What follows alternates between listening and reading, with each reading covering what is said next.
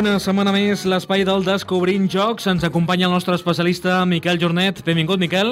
Bon dia, Jordi. Avui portes un joc de taula eh, amb una capsa petiteta, eh, però amb molta història. Telón de acero. Sí, sí, una de les eh, sorpreses del 2017. Un joc molt petit, la veritat. Són 20 cartes. Però en el joc petit hi ha la bona confitura, no? Sí, això diuen. Mira, d'aquests autors van portar ja un, que era el 13 dies. Era també com una reducció del Twilight Struggle, aquell mm, el vam jugar i no em va acabar de fer el pes. Després van treure 13 minuts, que era una reducció del 13 dies a, a un joc que era sobre la crisi dels míssils cubans. Aquest tampoc el van portar, però ara portem aquest que és el telón d'acero i aquest és una reducció també de coses que ja estan reduïdes, són especialistes aquests autors en passar coses pel xino i els hi ha quedat molt bé i aquest per mi és el que més m'agrada. Quan dius passar pel xino és eh, fer com una miqueta de coctelera, no? Bueno, el colador aquest i treure l'essència d'un joc, perquè és això. Això mateix. Parlem dels autors, torna'ns a recordar els noms. Sí, són el Daniel Skoll Pedersen i l'Asger Harding Granerud. L'artista gràfic? Jessica Eiler, a la versió nord-americana, però aquí és totalment redissenyat per un artista que hi ha a Andalusia que es diu David Prieto. L'editorial? És Ludonova. Número de jugadors? Per dos jugadors. Edat recomanable? A partir de 12 anys. Temps de partida? Uns 10-20 minuts la partida. Està força bé. Mecàniques del joc que utilitzarem? És un joc que és sobre la Guerra Freda i, lògicament, és un joc que proposa un control d'àrees, una gestió de mà i es podria dir col·locació de rajoles, però en realitat són cartes. Vas col·locant porcions d'un mapa, que, que cada carta és una porció d'un continent o o d'un mapa. Parlem de la posició? Doncs és un joc poc conegut, la veritat. Aquí a Espanya sí, perquè l'Udonova ha apostat fort per aquests autors i als Estats Units no ha tingut tanta transcendència i s'ha quedat en el 4.162. És una posició baixeta, però que jo crec que quan sigui més conegut aquest joc pujarà.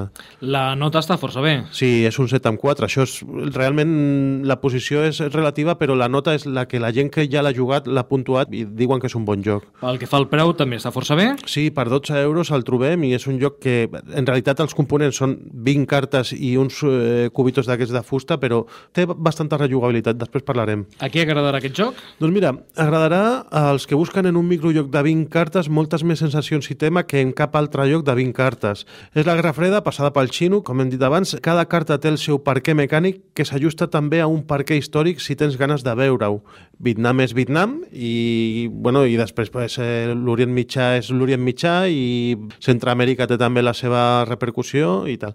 Per mi és una de les sorpreses més grates de l'any passat. És un joc que a mi m'agradaria estar jugant-ho sempre que puc.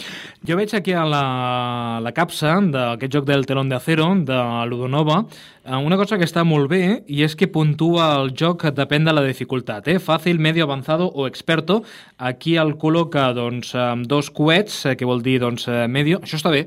Sí. Una persona que vulgui eh, jugar un joc o comprar-se un joc, de dir, a veure, mira, aquí em demana un nivell expert, jo no sóc tan bon jugador, per tant, agafo un altre, no? Vull uh -huh. que, mhm. que aquesta puntuació està bé, no? És que aquest joc pertany a la sèrie Història de Ludonova, que són tots jocs de conflictes històrics i tal, i clar, ells ja suposo que aquesta mateixa família de jocs la valoren perquè tenen jocs per molt més experts, o sigui, de molta més dificultat.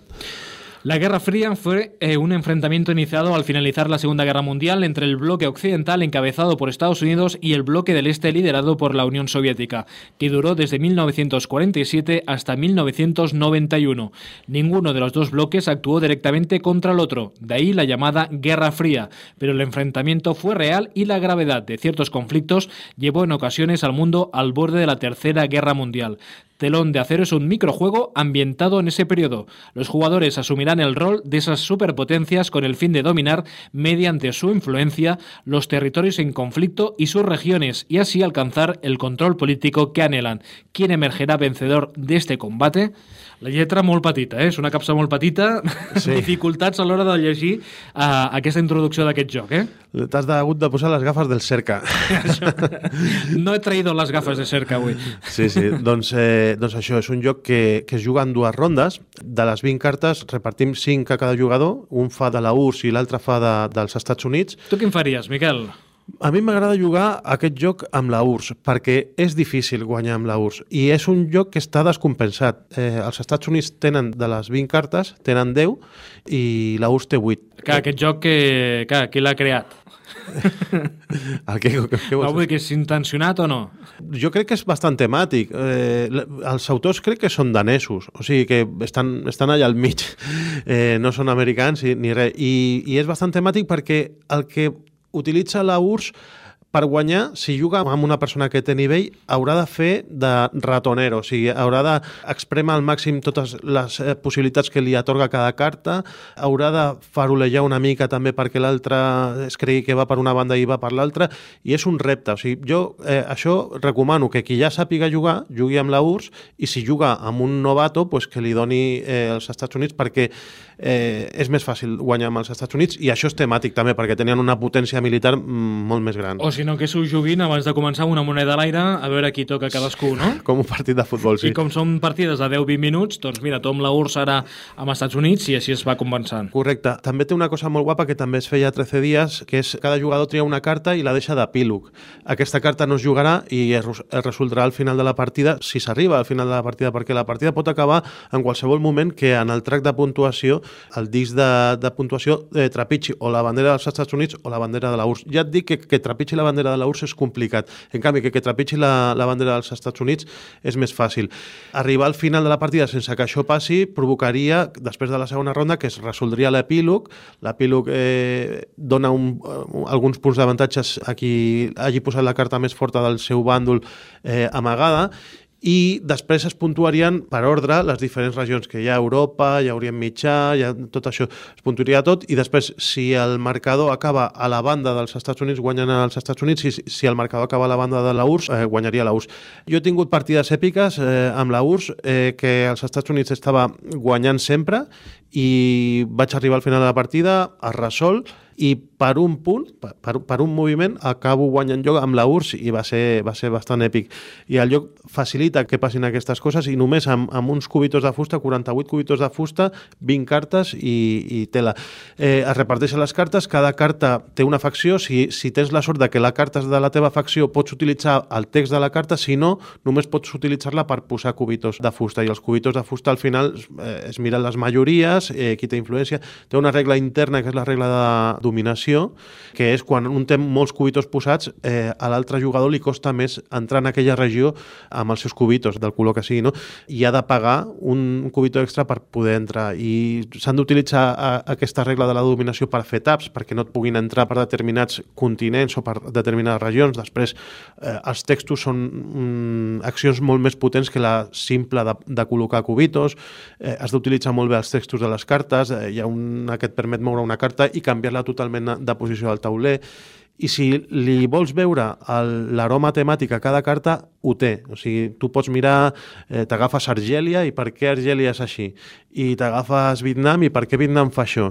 I si mires els llibres d'història o veus eh, pel·lícules sobre el, la guerra del Vietnam, veuràs per què és així, que, que són coses potents. Vietnam, per exemple, penso que et deixa posar un cubito adjacent a, a cada carta de Vietnam. Pues si jugues Vietnam quan està adjacent a quatre cartes, és superpotent per la banda soviètica, no? I, i bueno, eh, té aquestes coses que agradarà a aquells que busquen l'aroma temàtic, però també sense necessitat de saber història ni agradar-te els jocs de guerra, ni les guerres, ni res, es pot jugar, pots jugar amb la dona, jo ho vaig jugar fa poc amb la meva i li va encantar doncs, eh, home, està bé que de tant tant també ens porti jocs eh, de dues persones, eh? Sí, sí. Uh, Suposo que també hi ha molts oients eh, aficionats als jocs de taula que eh, cada vegada si ve família, ve amics, evidentment pots portar d'aquells jocs de 4 a 5 persones, però de vegades doncs, jocs de dues persones també està bé, inclús en jocs de taula d'una sola persona. Sí, eh? i segurament portarem algun perquè és que ja s'està posant molt de moda que els que són de més incloguin la versió en solitari, però també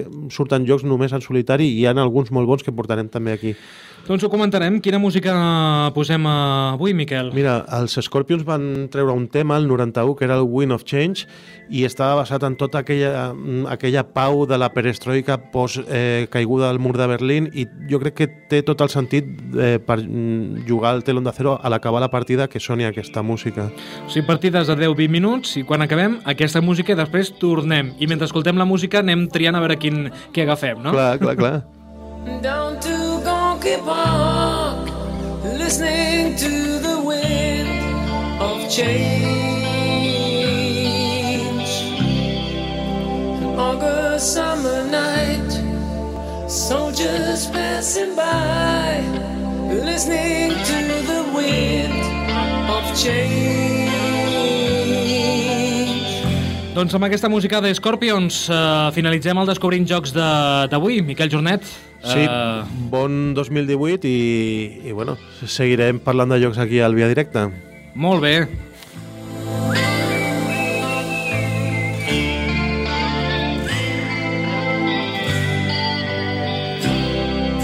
The world is closing in. Did you ever think that we could be so close, like brothers?